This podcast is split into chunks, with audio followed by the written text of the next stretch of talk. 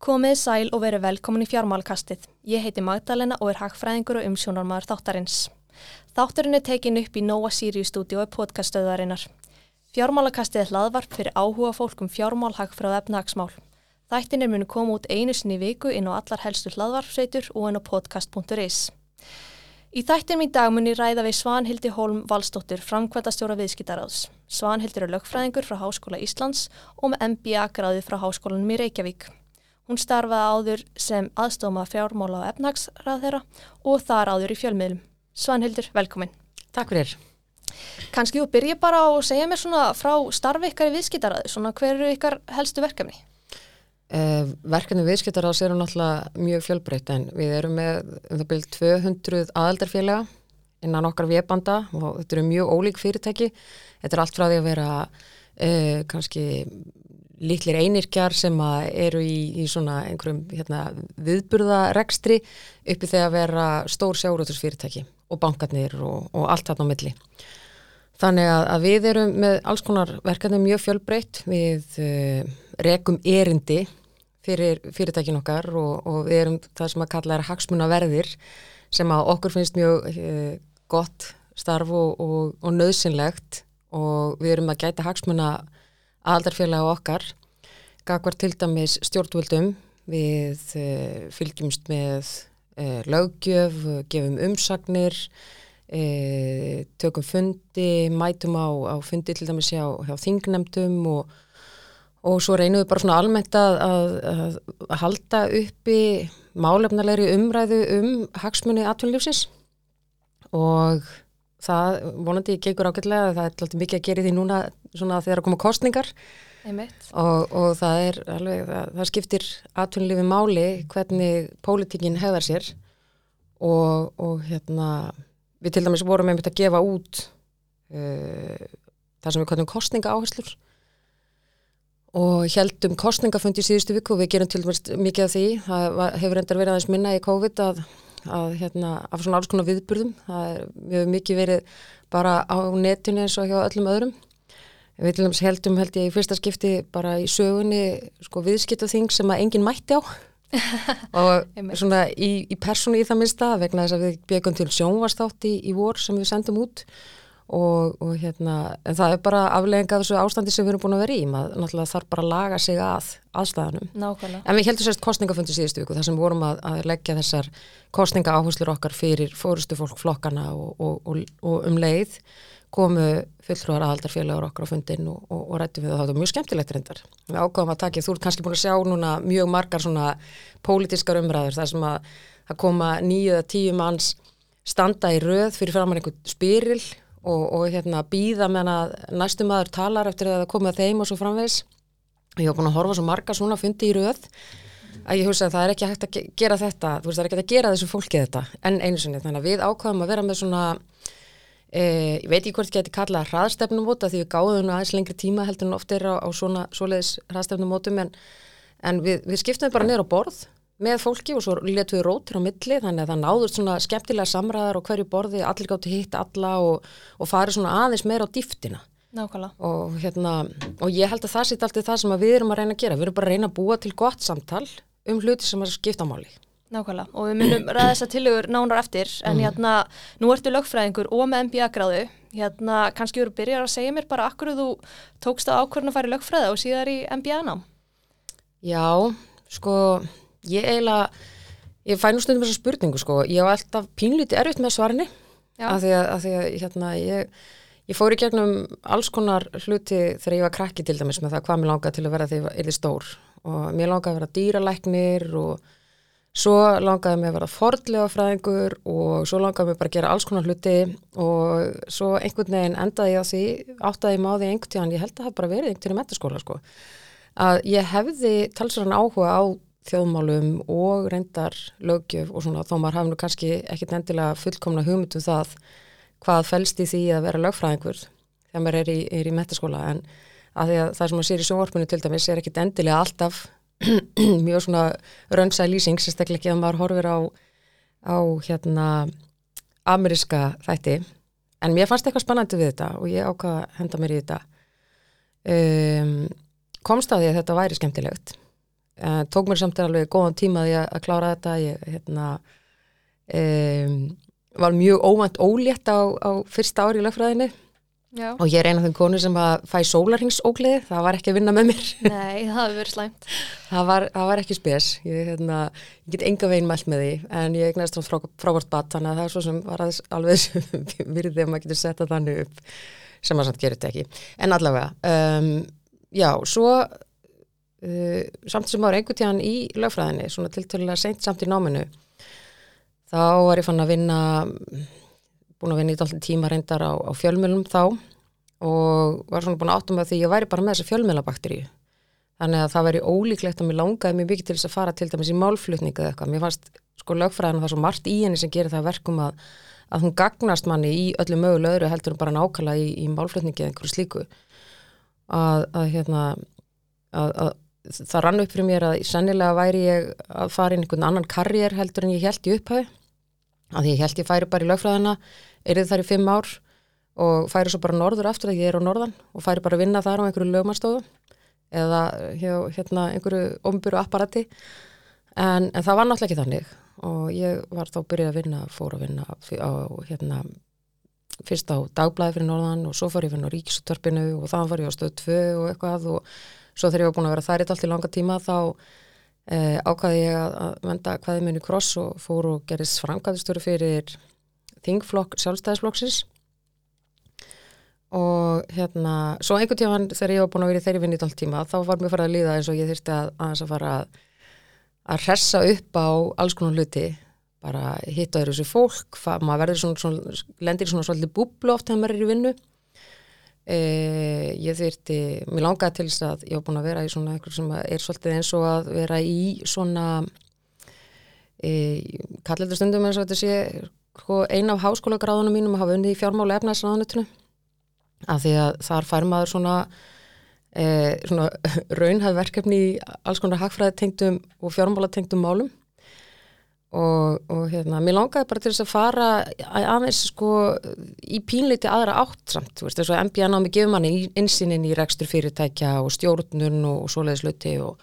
og mér fannst mér vanta það inn í púslið, þannig að ég ákvaði að fara í MBA nám í HR og held einhvern veginn að það er því bara til til að þægilegt en svo komu tvennar kostningar ofan í námið hjá mér. Þannig að ég var sérst í náminu frá 2016 til 2018 Einmitt. Og það vildi svo skemmtilega til að það var kosið bæðið árin. Þannig að, að hérna, þetta var mjög hressandi tími. Já,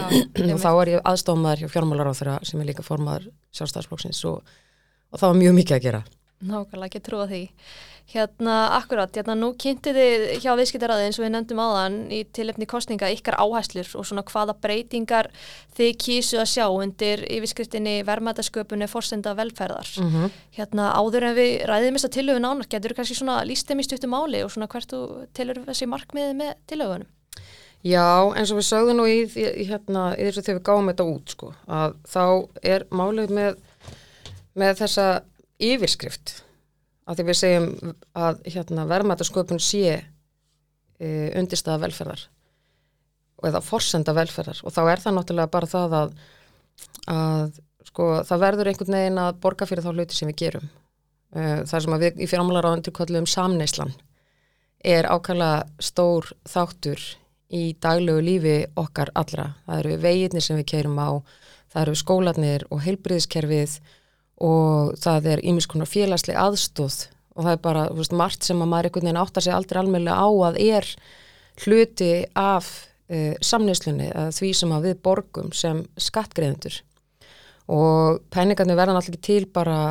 einhverstaður upp úr þurru heldur það þarf einhver að búa þá til, það þarf að vera einhver svona þessi svo kallega verðmættasköpun sem að stendur undir þessu öllu. Og eftir því sem að sko kröfunar aukast og þær hafa gert það, þetta velferðarkerfi það hefur, það hefur stækkað. Það hefur hérna og hefur breyst og tekið á sig alls konar verkefni sem að áður voru bara unnin já kannski bara innan fjölskyldna eða þá að þau voru jafnvel ekki unnin. Og við fáum miklu betri þjónustu nú heldur en heldur ég, um, við getum fullirt að til dæmis afar okkar á ömmur fengu uh, sem er greitt af almannafíða og ég held að veist, þetta er afleðing af svona einhvers konar sáttmála sem við höfum gert. Og ég held að Íslandingar séu almennt frekar ánæðin með að vera með gott og öflugt velferðarkerfi sem getur gripið þá sem að þurfa á því að halda. En á samaskapi þá þurfum við líka að hafa skilning á því að, að einhver staðar þurfa peningarnar að koma sem að borga til dæmis fólkinu sem vinnur í kerfinu eða efnið sem fer í það, veist, ný tæki og, og svo framvegis og að megi stefni til þá verða þessi verðmeti til uh, með vinnufólks í fyrirtækjum. Það getur maður líka sagt að hefur ofnbæra á einhvern hlut í þessari verðmætasköpun, það get til dæmis býr til uh, ég menna það getur búið til grundvöld fyrir þessa verðmætasköpun með einsum hætti. Ég held til dæmis að mjög fáir atvinnureikundur eru ánaður ef að, ef að til dæmis starfsfólki þeirra stæði allt inn upp í, í þeirri stöðu að það var engi leikskólaplás eða, eða hérna við höfum nú fundið fyrir þess að það verkvöld í skólum og svona það hefur meira áttar áhrif á, á fyrirtæki. Eh, eins bara heilbyrðistjónust á slíkt, ég meina þú þarft að all, hérna ég held að allir séu sammálum það að það sé algjörlega nöðsilegt og við höfum fundið fyrir því sérstaklega núni COVID hvaða skiptir miklu máli að vera með heilbyrðiskerfi sem virkar og, og getur þess vegna sko tekið þungan af til dæmis svona faraldri sem við svo sem engi sá fyrir að, að kemi að, að þá til dæmis sjáum við það að, að þegar við spurðum aldarfélag okkar í, í könnun nú í águst hvaða skipti þá máli, þá voru mjög margir til dæmis sem að nefndu heilbreyðskerfið og það er næst að spurja atvinnureikundur en, en það er bara mjög eðlilegt vegna þess að þarna fundu við það til dæmis að ef að heilbreyðskerfið gati ekki svara því álægi sem að það þurfti þá hafði það gríðarlega áhrif út um allt samfélagi vegna þess að það þurfti að fara að setja einhverja takmarkanir á það hvernig fólkið í samfélagin og fyrirtækin hegðuðu sér til þess að, að hérna að, að það myndaðist ekki svo staða að til dæmis landsbítalinn gæti ekki annað sínu verkefnum. Þannig að við allan að sko okkar hugsun í virkitaræði þegar við settum sniðu til þess að búa til þessar kostninga áherslur okkar var náttúrulega e, hún, hún var akkurat þessi að reyna bara einhvern veginn að, að sko e, búa til þessa sterku tengingu sem að þarf að vera milli fólksins í landinu milli fyrirtækjana og milli ofinbæra kervisins, menn þess að í raun og veru er mjög erfitt fyrir eitt þess að þátt að vera án hinna, það er eiginlega ómögulegt. Og hérna og við náttúrulega spurðum bara aðaldarfélagin okkar í, í, í ágúst hvaða væri sem að skipti þau mestu máli og þetta er svona afraksturinn af, af þeirri vinnu. Og við settum þetta upp í, í svona sex megin áherslur. Þar sem að um, Við tölum um langtímastefnu í helstu málum, uh, rekstur í skjóli frá ríkisumsviðum, uh, að greiða þurfur flækjum í stjórnsýslu, uh, mikilvægt tröstrar hagstjórnar, að við þurfum vöxt með hugviti og hvernig við eigum að lífa, lifa með veiru. Lifa með veiru sem er eitthvað, já þó að okkur líður svolítið núna eins og þegar faraldurinn er aftur komin svona alltið hressilega niður. Við fengum hann að sko tísumar sem að mörgum brá við og svo verist þetta bara að vera á góðri niðurleið að við þurfum samt sem áður einhvern veginn að, að átt okkur á því hvernig við ætlum að lifa með þessari veiru og þess vegna til dæmis er þetta hluti af umfjöldunum í tiljónum okkar Nákvæmlega. Þó að við auðvitað vonum það að næsta kjörstjónabili verði ekkit undirlagt af einhverjum koronaviru faraldri. Nei, nei, ég held að allir vonu, vonu að þetta, það verður úr sögunni sem fyrst Já, við vonum það en í það meista um... hérna, Já, eins og þú segir þá er þetta sex tilögur kannski við byrjum á að ræða þá fyrstu mm -hmm. hérna, hún snýr að sagt, því að búi byrgi fyrir framtíðina og einn svona tillaga sem þið leggir til mm -hmm. er að gera ráð fyrir hækkandi aldrei þjóðarinnar eru þið með einhverjum svona lausnir í því, þeim efnum, svona hvað myndi þið vilja sjá gert? Sko að gera ráð fyrir hækandi aldrei þjóðurinnar er náttúrulega eitthvað sem að sko, við þurfum að gera og allar þjóður í kringum okkur. Þetta er eiginlega, þetta er, þetta er það vandamál sem að held ég blasir við öllum vestrannum þjóðum. Að, að með batnandi heilsu þá verður fólk eldra, uh, við erum með lífriskerfi sem að uh, hérna, gerir ráð fyrir því að þú getur færið eftirlaun. Það eru þetta mismunandi í, í, í ríkjónum og allt í, í kringum okkur en, en við erum náttúrulega mikið til að vinna með 67 ára aldurinn og og, og, og 70 ára til dæmis, þú átti ekki að vera að vinna lengur en 70 ára eða þú vinnur hjá hennu ofinbera og sko hluti af þessu er kannski það það þarf að fara að huga að því að lengri lífaldur hlýtur einhvern veginn að kalla á sko mögulega hækkun á, á lífurstökualdri þetta er eitthvað sem hefur rætt í langan tíma en það hefur ekki nást uh, samstafa um það en þetta er eitthvað sem við þurfum að, að fara að hugsa mjög alvarlega um vegna þess að við getum heldur ekki gert þær breytingar í einu vetfangi. Það þarf að gera slíkar breytingar á lang, lungum tíma þannig að þetta verði ekki mikið högg fyrir það fólk sem að, að sko hugsanlega er að uh, kannski búið að gera áallunum það að, að fara uh, að hætta að vinna og, og hefja tökku lífurinsaldurs og svo allt í einu bara kannski með mjög stundum fyrirvara er öllum þeirra áallunum kollvarpað. Við getum ekki breytt kerfinu þannig. Um, það, þetta er líka svona pínu svona varnar orð. Við þurfum aðeins að átt okkur á því hverju við getum eitt núna og hvernig við ætlum að, að svona að skipulegja okkur fram á við með tillitið þess að, að sko kostnaður okkar sem að erum á vinnumarkaði hann mun ekki minka það eru að segja byrðirnar sem að hver vinnandi maður ber þær munu aukast með árunum. Og þess vegna erum við til dæmis að benda á það að það þurfa að huga því að, að hérna að setja langtíma stefnu í, í mikilvægum málaflokkum og það þarf að huga til dæmis að því þó að við ræðum þá annar staðar svo sem í þessum áherslum að þá þurfum við einhvern veginn að huga því að við getum auki hér framleiðni við þessum að horfa frekar og svona há framleiðni greinar heldur en, heldur en aðra sem að, sem að krefjast margra handa og skila kannski ekki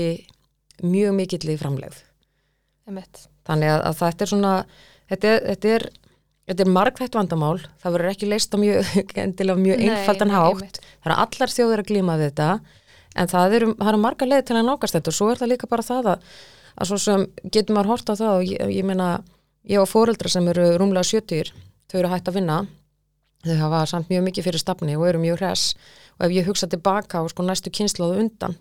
að þá voru sko fóreldra þeirra, þeir voru ekkit endilega svona heilsugröstir eins og þau eru núna Þannig að hérna, maður getur líka hans hugsað um það þegar við vorum að búa til dæmis til lífeyriskerfið, eða það er ekki lífeyriskerfið að búa til fyrir sko, þú veist, hartnær,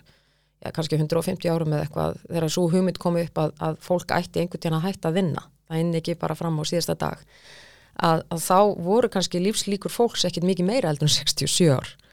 en nú eru við komið það, meðalatur er yfir 80 ár og, og þetta er bara gjör breytt landslag. Algjörlega, gjör breytt staða.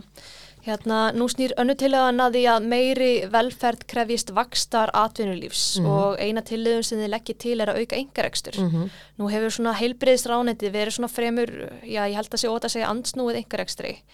og hérna af hverju telur það sí og telur það að þurfi svona einhver hugafarsbreyting að eiga sér stað með fólks þegar kemur engarekstri?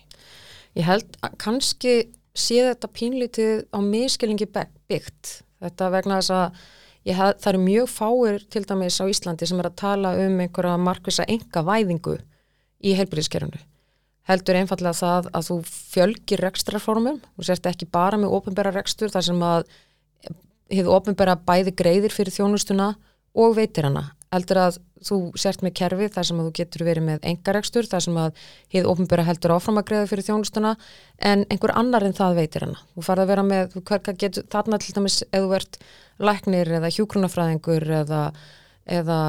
hérna uh, hefur einhverju gráður sem gerir það verkum að þú ert mikilvægur í rannsóknum eða einhverju slíku að þá getur þú valið kannski fleiri vinnuvitnendur heldur en bara hið ofinbæra og það er mjög mikið ég meina það er, það er ok, ég ætla ekki að segja sé mjög mikið af engarestir en það eru samt sem áður uh, alls konar uh, alls konar rekstur í helbreyðskerfinu sem að er engarekstur ef þú fer til sjúkraþjálfarans til dæmis þá ertu, þá, þú ert ekki að skipta við hún bara, þú ert, eh, sjúkraþjálfaran er með samning við, við sjúkratryggingar en, en hann er að reka sína eigin stofu, svona alla jafna. Mm, það gerst líka til dæmis ef að þú ferði og ert með e, heimilisleikniðin upp á höfða til dæmis á, á engareknu heilsugjæslinu þar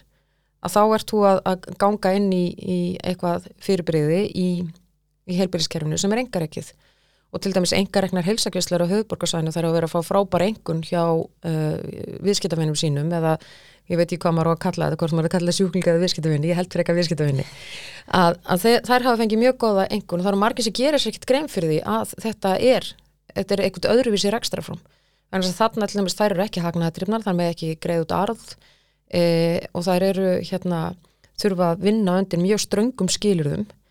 en, en þú kannski færð örlítið öðruvísi tilfinninga eða öðruvísi e, hérna, þjónustu heldur nú gerir hjá henni ópenbara og það er líka bara allt í leið að hafa eitt val, þetta er eins og með háskólana. Ég veit ekki, ég byrjaði allum lögfræði, ég læði lögfræði í HÍ ég tók MBA námið mitt í HR og þetta gerist þetta með allt í löngu millibili en ég hafði líka tekið einhverja kúsa í HÍ í millitíðinu eftir að HR var til. Og mín tilfinning hefur alltaf verið svo að það hafi verið mjög gott fyrir Háskóla Íslands að HR skulle hafa verið til. HR er engar ekkin mentarstofnun en Háskóla Íslands er ofinbyr og, og það eru bara, það koma einhverjar nýjar áherslur inn, það er svona mögulega svona öðruvísi tilfinning sem að fólk hefur, jú, vissulega er fólk að borga eitthvað með til dæmis í skólagjöldum í HR en hann er að megninu til samt rekin af omburu fjö hann væri miklu miklu dýrar ef hann væri bara, ef þetta væri enga vættur skóli. En hérna e, þetta er bara sko þetta gefur okkur meira val bæðir sem viðskiptavinnum eða sem nefendum eða sem sjúklingum og líka fyrir fólkið sem að vinnur í þessum kerfum. Að, að geta hérna valið um það hvort að við vinna hjá eina vinnuveithandanum eða hvort að við valum fleiri vinnuveithandur og við teljum bara einfallega að, að samkeppni á þessum sviðum hvort sem að það er á milli engarekstur sinns við hver við annan eða við þú ofnböra að sé að finna góða og það veit ég ákveð aðhald líka Akkurat, hérna nú snýri önnutala líka því að auka virkni almennings á hlutabriðamarkaði ertu mm. með mhm. eitthvað svona, hvernig tilur það sé best að gera það? Sko það hefur náttúrulega verið gert, það er til dæmis með skattaívilunum og slíku hefur það verið gert í hjöndu tíðina stundum hefur verið reynd að fá fólk til þess að, að taka þátt í, í en samt sem aður ívilt með einhverjum þannig að, að, sko, að það sem vilt er að fólk gerir þetta eina sæmilega örugsumhverfis þannig hafa til dæmis verið hérna, til einhverjar ívilnanir fyrir fólk sem vil taka þátt í að hérna e, kaupa hlut í einhverjum til dæmis sko, nýsköpuna fyrirtækjum eða sprota fyrirtækjum með einhverju slíku. Veist, það er eitthvað sem að, að þykir e, eftir svona verðt hjá hann ombur að hjálpa slíkum fyrirtækjum að vera til en, en svona almennt held ég bara að það sé gott fyrir e, atvinnulífi, það sé gott fyrir líka e, almenning að hafa eins og stundum er sagt svona skin in the game þú veist, þú vitir það að það skiptir máli að fyrirtækjum gangi vel. Það sé bara heimlega bein tengsla millir þess að þeirra fyrirtækjum gangi vel að þér gangi vel. En það sem að, að sko verður alltaf að passa upp á svona sem aður er það að, að það má ekki ganga á hrættum gleðinadir til dæmis eins og ég menna þetta ár hefur verið e, gott á hlutabræðamorkuðum á Íslandi. Það hefur verið mikil vöxtur á þeim. En, en hérna, maður þarf að átta sig á því að þetta er áhættu fjárfesting þetta er ekki bara eins og kaupa sér ríkiskuldabrif um, maður getur grætt mikið í smá tíma og svo getur þetta allt horfið á einni nóttu eins og við sáum til þess bara í hruninu þegar mjög margin misti sitt sparifið eða hann er í, í bólunni kringu 2000 sko þetta hefur gerst íðurlega í gegnum tíðina þannig að það þarf aðeins að passa upp á það. Veist, maður getur sagt að það er gott að almenningu sé virkur á hlutabrjámarkuðum og maður vill það. Maður vill, þann veit getur það líka veitt ákveð aðhald og, og áhugi fólks almennt og tenging við aðtunlífið er að finna góða. En, en það, það þurfa allir samt sem áður sem að taka þátt í þeim leika átt að segja á því að, að, hérna, að, að þetta þessu fylgir á þetta. Það er hægt að tapa þessu öllu. En okkur, en svo, skoðan okkar er samt sem að það sé jákvætt að hérna, fyrirtæki sé á markaði og almenningu geti átt hlutið Emitt. ég menna við hefum til dæmis þetta, þetta var mjög vel hefnað hluta hérna, fjár útbóð í sömur til dæmis á Íslandsbanka og þá kom í ljós að það var gríðalegur áhugi hjá almenningi þannig að, að hérna, við, við allan að sjáum það að, að það, það er jarðvegur fyrir þetta hérna. Einmitt. Hérna þriðja tillagan, hún snýr að því að fyrirtæki þurfi svona svigurum til að aðtapna sig og að því opibur ætti ekki að leggja stein í götu enga fyrirtækja. Eh, það segiði að það sé mikilvægt að EES reglugerðir sem innleitar eru sé ekki íþingjandi og að sér íslenska reglur skapa ekki auki flækjustík. Gætur þú kannski nefn mér bara svo stuttlega dæmi þar sem þetta hefur verið vandamál? Já, við til dæmis í húsi atvinnlífsins á sínum tíma þegar var verið að innleiða eh, persónuvendarlaugjöfuna þá bentum við á það að, að, að það væri ekki nöðslegt að, að gera það með íþingjandi hætti eins og það var gert þá. E, það, var, það væri til dæmis til möguleiki til að, að hérna, e, gera minni kröfur til minni eininga, veist, til minni fyrirtækja. En, en hérna e, það var ekki gert, þetta var bara gert svona yfir línuna af því að við erum auðvitað sko, við erum svona krækibér við hliðin á þessum, þessum evrósku ríkjum sem við erum yfirlega að bera okkur sama við og sem að er ekkit e, e, sko, bara starðirnar eru svo rosalega ólíkar. Við erum sko stóru fyrirtækin okkar þau eru bara, þau, þau eru ekki meðalstóra evrósku mælkvara en hérna Já, það, það var svona til með eitt dæmi það var að, að við, okkur fannst þess að það væri verið að fara svolítið þungt í það að, að leggja ymsar hvaðir á, á fyrirtæki með, með þeirri lögju þótt fyrir að, að henni var ekkit mótmælt, ég meina. En það er hægt að gera þetta með ymsum hætti uh, og svo er bara eins og til dæmis þegar ymsar sér íslenska reglu sem að koma inn til dæmis þegar að þú ert að þarf að fara að útskýra fyrir fyrir til dæmis fjárfestum uh, svona mismunandi fjárfyrstingar umhverfi eða einhverja sérreglur eða eitthvað slíkt sko, það er, það er eitthvað sem að getur stundu þvælst fyrir bara þess í samningagerð eða einhverju slíku. E, það er nú e, eitt dæmi sem að einn sem að hérna, e, einn aðaldarfélag og nokkur nefndi einhvern tíma við okkur var það að hún hefði ekki eitt jafn miklum tíma í neitt eins og að útskýra sko verðtryggingu fyrir fólki sem vildi fjárfyrst á Íslandi að að bara eiginlega áttæðis ekki á þessu húttæki og hversun það væri svona víða hjá okkur en mm. hérna, það hefur kannski orðið, það hefur orðið aðeins minna, minna mál með árunum Emitt, hérna, svo er það fjórðatilegan sem snýra mm. því að gengistuðuleiki sé ekki enga mál seðalbankans og að það ætti að vera forgangsmál næstu ríkistjórnar að huga þeim málum. Mm -hmm. Nú er kostningabartan í fullum gangi og hinn er ímsu flokkar hafi komið með mikil útgjald að loford. Telur þau líklegt að næsta ríkistjórn muni huga þessi málum? Sko, ég ætla nú að hafa þá trú svona almennt á fólki að það vilji gera hlutina vel og það vilji í raun og veru ekki steip okkur í einhverja, einhverja ógæfi þannig að ég held sko já því ég hef nú nokksinu fylst með til dæmis svona stjórnamyndinar viðraðum að, að þær hafa sko um, ég veit ekki alveg hvernig ég orða þetta en það verður svona ákveðin temprun í, í stjórnamyndun að, til dæmis segjum svo svo að þú sért með einhvert flokk sem er mjög langt í vinstri sem hefur mjög mikla hérna, mikinn vilja til þess að, að fara í einhver útgjöld og kannski reyna að fjármagna það með einhverju skattahækkunum og svo framvegis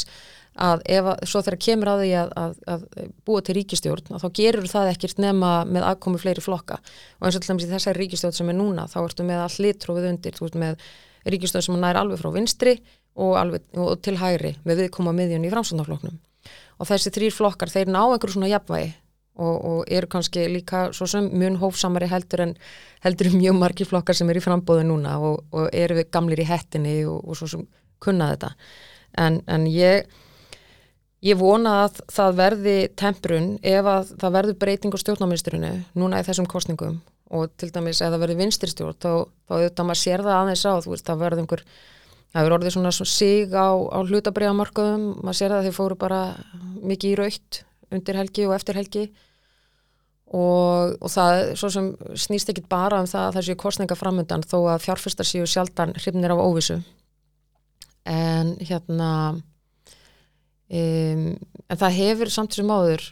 það hefur vissulega áhrif og maður sér þetta að hérna að það er svona ákveðin titringur gagvart því að það verði breytt mikið um kurs í hagstjórn. Og, og hérna ég held að stöðuleikin sem við höfum upplefað síðustu ár við eiginlega þetta er svona engin veit hvað áttöfur fyrir misthefur eh, ef að við missum þann stöðuleika þá held ég að, að það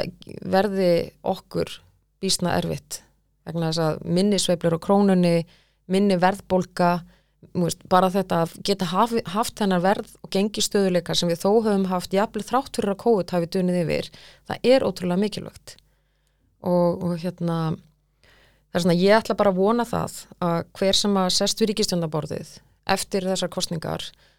hann hafi það í huga að, að, hérna, að það er mikilvægt og það er ekkit bara mikilvægt fyrir fyrirtækin í landinu, það er mikilvægt fyrir alla, líka fólki í landinu að viðhalda þessum stöðuleika Nákvæmlega. Hérna í fymtu tillögunni þá undistrykið að hugvit sé líkil þáttur í vexti og verðmætasköpum framtíðinnar og mm -hmm. eitt sem stingi upp og er að fjölga stemmentu fólki. Mm -hmm. uh, nú, tel, nú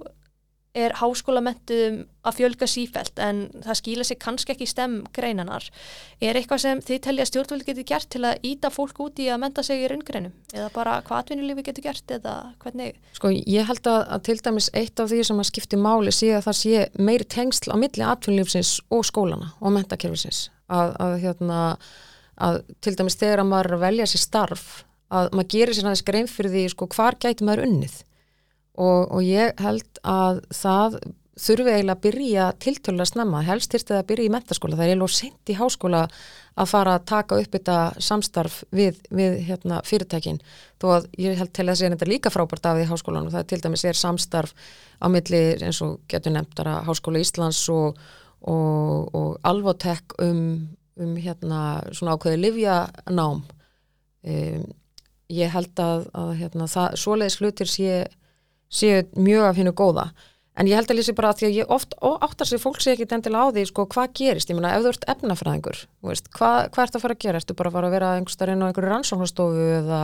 eða hvað sér þau fyrir þér að, að hérna, framiðin liggi, veist, veistu það til dæmis að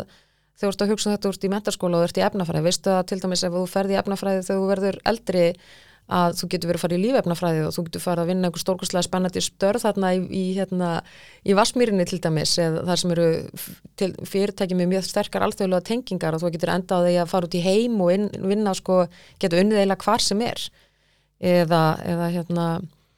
eða sko að því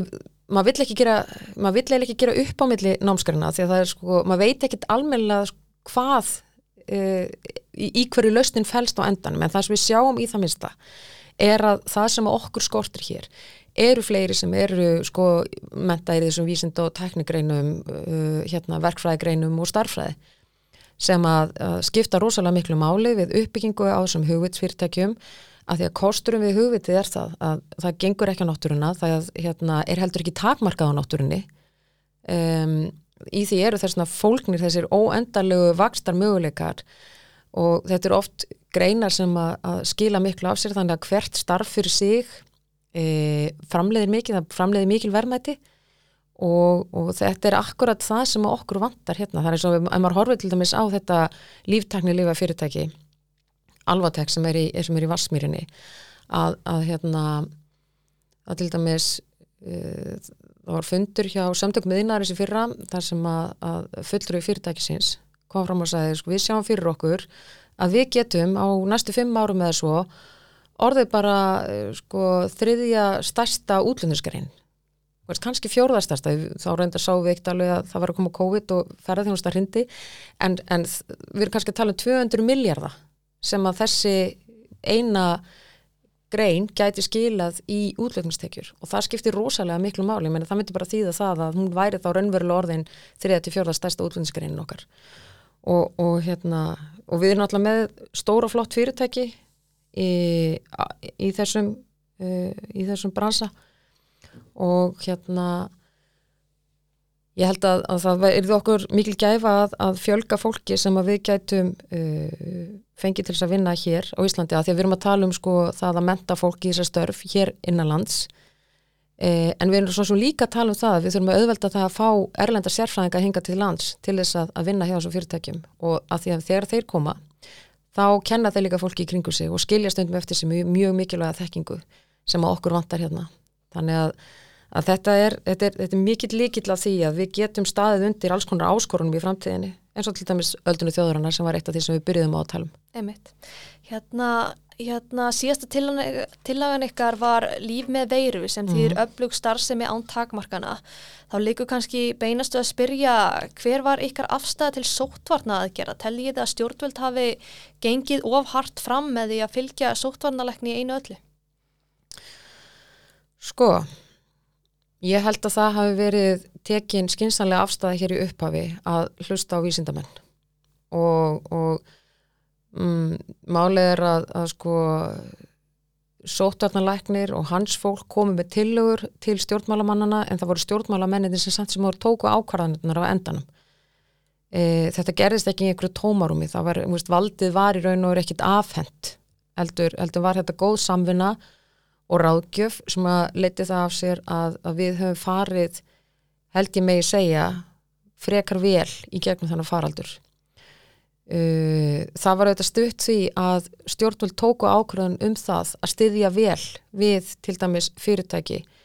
og líka fólk sem að lendi sótkví með greiðslum og svo framvegis. Veist, það voru hlutabóta leiðin og, og það voru lokunastyrkir og það voru ýmsir hluti sem að, að gripu fólk sem að lendi í vandraðum vegna þess að stjórnvöld tóku ákvörðun um það að leggja ýmsar takmarkanir á almenna starfsemi og hegðun fólks.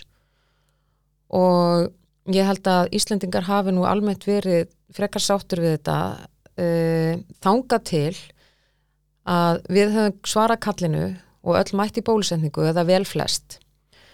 Og, og þá fannst held ég okkur eins og mörgum öðrum að það yrði að taka tillit til þessarar viðtæku þáttöku í bólusendingunni og það þurfti að horfa til þess þá frekar að fara að breyta mælikvörðum um það hva, hven, hvenar þurfti að bregðast við. Ekki eins og dæmis í sumar þegar smittunum fjölgaði og það varði eitthvað ákveð panik ástandi hérna áður en okkur laðist hennar sjúkrás og, og hérna svo finnst mér eins og þessi sjónarmið hafi náð meira flugi eftir því sem að faraldrinum hefur Eh, eftir að honum hefur undir fram vegna þess að nú finnum maður að það er fyrir að tala um það að það þurfi að, að, að hérna, taka tilliti þess hversu alvarlegar afleðingar smittana eru ekki bara hver smittin sjálf hversu mörg þau eru. Þannig að, að þó að fólk hafi þurft að leggjast inn á spítala að þá er það kannski ekki í, í neinu hlutvalli við fjölda smittana því að það vissulega fjöld sem hafa margi smittast á þessu delta afbríði en, en hérna við erum komin með góða vörn uh, það þessum til dæmis þegar við spurðum aldarfélag okkar hvaða væri sem væri mest íþingjandi fyrir rekstur þeirra í ágúst þá eru flesti sem söruðu því að sótkvíðin væri mjög íþingjandi og það uh, náttúrulega stjórnast að því að það getur verið erfitt að missa fólk út úr rekstinum hjá sér í langa tíma vegna sótkvíðar og, og það getur líka gerst að, að sko um, að þeirra var þeirra fólk var til dæmis þá verið að loka skólum vegna þess að smitt greindustar að þá náttúrulega getur ekki skilið börniðin eftir heima, þú verður að vera heima hjá þeim. Og þá var fólk líka að fara út úr rekstinum og það er svona, þetta er bara þetta er bæði óþægindi og þetta er mjög dýrt að, að takast á við þetta og það er og þetta drefur framleiðni. Og þess að held ég að sko til dæmis okkar tilögur um það að það þurfi að taka tillit til e, fleiri sjónarmiða heldur en sótvarnar að gera þær eigi sko, fullan rétt á sér vegna þess að við þurfum einhvern veginn að geta haldið viðnámsþróttunum við þrátt fyrir að, að við séum að eiga við þessa veiru við þurfum að geta haldið áfram að skapa þessi verðmæti sem við þurfum til þess að geta drifið áfram öll þessi sameigli verkefni sem við viljum standa undir. Og það er það sem við erum að gera almennt og við getum ekki haldið okkur gangandi í einhverju svikalogni á því að, taka, að auka ríkiskuldir sem eru það sem við höfum verið að gera með því að vera með strángar takmarkanir og borga fólki fyrir að vera heima. En, en hérna ég held að, að sko við náttúrulega vonast til þess að við komist bara á svipaðan stað eins og ríkin í kringum okkur er að gera. Við þetta reyndum mitt í sumar að afnema allar takmarkanir og við heldum því í svona þrjárvíkur En, en nú sjáum við það allum þess að brettar og danis og við nefnum einhverja sko, eru búin að afnema allar takmarkanir og ég veit að fólk er að fylgjast með ná með því hvað gerist þar en, en ég finnst mjög eðlilegt að, að við förum sömu leið eins og þessi ríki sem við svo mjög gjarnan viljum byrja okkur saman við. Eins og þú varst að nefna að faraldurinn er svona á neyðuleið hér mm. á landi, eh, finnið þið svona fyrir aukinni bjart sinni meðal ykkar aðeldafélag? Já, ég held að það sé nú sko, það sé alveg sæmileg bjart sína meðal fólks auðvitað er fólk aðeins vart um sig það er auðvitað bæði vegna þess að það eru kostningar að, að þú veist ekki nákvæmlega hvað gerist eftir þær. En svo líka er þetta að, að það er engin ónæmur fyrir talin um það að, að hérna, það getur komið ný afbreyði og, og, og maður getur verið hérna, þurft að breyðast við hratt og, og þessi, þessi umræði líka í gangi í ríkjónum í kringum okkur. Maður sér það alveg á fréttum þar en þó að mér sínist nú samt sem áður að fjölmjölar mjög víða séu minna uppteknir af koronaviru faraldrinum heldur en að, að við höfum verið hér á landi. Já, já. En, en hérna en ég held að jú, ég held að sé alveg sæmilega bjartur tótni í fólki. En, en það sem aðtjónlífið vill er náttúrulega bara vissa og stöðuleiki Já, hérna kannski svo við færum okkur aðeins stuttlega yfir á svona persónulegu nótur. Hérna, hver, á, ertu með einhver svona sérstök áhuga mál svona, hvað er þessi skemmtilegast að gera utan vinnu? Já, ég, þetta er alveg glötu spurning sko, vegna þess að ég, ég lendi að svarinu þá liði mér alltaf svo í eigin áhuga mála, ég hef svo mikið áhuga á vinnunni sír ég alltaf að, að ég, ég held að margir tengi við það. Er það, já, ég bara, ég voni þess ekki eini þessu, ég sé bara, ég, kannski er ég bara svona einhvern veginn að opna þessa umröð Nei, ég er mjög Það þarf að tala meira um þetta heldur Já, ummitt, ég er mjög, ég, eiginlega alveg sama í hvað vinnu ég hef verið, þá hef ég alltaf verið mjög áhuga um hana og og mér finnst það bara að vera ótrúlega gæfa að fá að vera í vinnu sem ég hef mjög mikinn áhuga á. Þannig að þú veist, mér finnst gaman að lesa ímislegt sem tengist henni og hérna, ég tala mjög mikið um hana og, og ég er svo heppin að vera velgift þannig að maðurum minn nennir að tala með svo hlutið um mig. Og, og hérna þannig að ég, sko, vinnan er ofsalega stór hluti af lífið mínu og, og svona og þú veist, efnaðarsmál og eitthvað maður er alltaf að tala um þessu hluti og þetta hljómar kannski ekki drossalega spennandi. Nema mögulega ef að fólk er að ákveða að hlusta á fjármálakasta því að það er mjög mikið náhuga svona hlutum. En annars er ég sko, ég er svolítið bókármur og ég, ég horfa mjög mikið á, á svona þegar ég vil slappa af og slökka á haustum á mér þá horfi ég á, á einhverja sjónvarstætti sem að gera ekki mjög mikla kröðu til mín. Ég hef til dæmis eh, hérna ég var alveg tekið upp á því að, að horfa kannski á heilar serjur sem er þá bara alltaf, veist, ég horfi á því í sturtu og svona, mér finnst ógæslega leðilegt í sturtu. Og þá setjum ég sérstaklega síman upp á hillu inn á baðherbygg hjá mig þannig ég geti horta á eitthvað með hann. Og þannig er ég til dæmis, ég er að horfa núna aftur á alla þættina í Numbers seríunni sem að held ég um, fyrsti voru að sendir út svona 2005 eða eitthvað, ég, þetta ekki ekki nokkur ár. Eitt sumarið horfið ég á alla þættina Buffy the Vampire Slayer Mm. Ég hafði einhvern mista því þegar það kom út á sínu tíma, uh, hortaði einhverju örfá með sínu mínu þegar hann var lítill og, og datt inn í þetta og, og já, ég horfaði þetta sérst. En svo finnst mér líka bara, mér finnst gaman að ferðast, ég er nýkomin úr ferðalegi og fyrsta ferðalegi sem að ég fór í bara frá því að koronaviru faraldurum byrjaði og, og hérna ég held að eiginlega flestum finnst nú svo sem alveg gaman að ferðast, er alveg gaman að komast á staðin sem er að ferðast til. Akkurat núna eru ferðalegi ekki drosa skemmtileg. Nákvæmlega, þú hérna, nefnir að þú sér bókuormum, áttu ykkur svona uppáhaldsbók, svona ykkur bók sem þú mæli með? Oh. Kanski svona fyrir fjármála áhuga nörda? Fyrir fjármála áhuga nörda? Neða, sko, ég held kannski ekki endilega að fara í, í það akkurat núna, en ég nefnilega, sko, ég keifti mér sagt, um daginn, þá keifti ég mér þríleik eh, sem að, sko, ég las eina bók úr þessum þríleik fyrir löngu síðan og hef einhvern veginn oft sko vittnað í hann uh, af því að hann er bara veist, þetta er bara fyndið og skemmtilegt. Þetta, þetta er sem sagt maður sem heitir David Lodge sem að skrifaði svona á bylinu 1970 og eitthvað til svona sent á tíunda áratögnum þessar þrárbækur og hérna þetta heitir The Campus Trilogy og þetta fjallar meiraða minna um háskólaprofessora og þessi háskólaprófessor þessi bók sem ég las fyrst af öllum hún hérna heitir Small World eða Lítill heimur og var þýtt á íslensku. Og hún fjallar sérst um háskólaprófessor sem hittast alltaf hinga og þanga um heiminu á einhverju ráðstefnum og hvað þeir eru að tala um og hugsa um og eitthvað. Og mér finnst þetta svo hérna, þetta er í raun og veru svo skemmt, þetta er svona þetta er skrifað með svona gamansömmum tón en það er samt sem að það er smá gagrin í þessu að því að stundum hugsaðum þetta, maður lendir alltaf í því að ofta verið svona í svona litlum heimi þar sem að sko einhverju hlutir eins og það er til og með einhver maður sem að nota rosalega mikið orðið sko þýtur eða eitthvað í bókanu sínum eða skrítið orð fyrir brút og þetta verið rosa stort mál.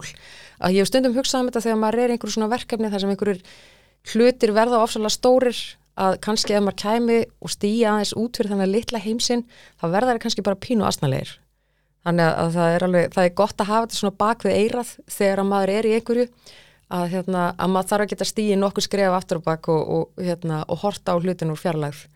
Þannig að ef að fólk vil lesa skemmtilegar bækur um, um, um, prófessora e, þá mæl ég með þessu, David Lodge og Campus Trilogy. Nákvæmlega, frábært. Hérna er svona eitthvað sem vil bæta við að lókum, ertu með svona einhver lókaorð? Æ, ég veit það ekki, ég held að sé bara rosalega skemmtilegt að til dæmis að gaman að fá að koma í hana þáttina og gaman að fá að fara til tilhjóðunar okkar. Um, ég, ég, bara hvet fólk til þess að, að e, gefa sér tíma til þess að hugsa þess um þessa hluti, hugsa um sko, tengsl vermaðarsköpunar og velferðar og hvert við ætlum að fara með þetta samfélag okkar og hvernig við ætlum að standa undir því. Við þurfum að vera svolítið skinsum og ábyrg. Það er rosa gaman að geta e, verið með stórar yfirlýsingar og upprópanir og eitthvað og það er oft mjög svona, það, það getur verið svona aðeins mér að fútt í því. Það er ekkit endilega sko, sá sem að segir minnst á fundinum þú þekkir þetta kannski, sá sem segir minnst á fundinum hann hérna hann samt sem áður segir kannski sko gáðilega hluti þegar hann lóksins gerir það sko, þú veist það er ekkit endilega sá sem hefur hæst sem að, sem að er sá sem hefur mest fram að færa og ég, ég held að ég bara hveti fólk til þess að fara eins á dýftina og, og hugsa um samikið lutana og taka kannski ábyrga ákvörðun þegar það gengur að kjörborðinu um helgina. Nákvæmlega, það er bara glæsilegt frábæð lókvörð. Hérna, fjármálakasti verður ekki lengra sinni en ég vil þakka ykkur kærlega fyrir lustunina og vil að lókum hveti ykkur til að fylgja fjármálakastin á Facebook og Instagram en þar komu upplýsingar og um nýjustu þættina. Verið sæl.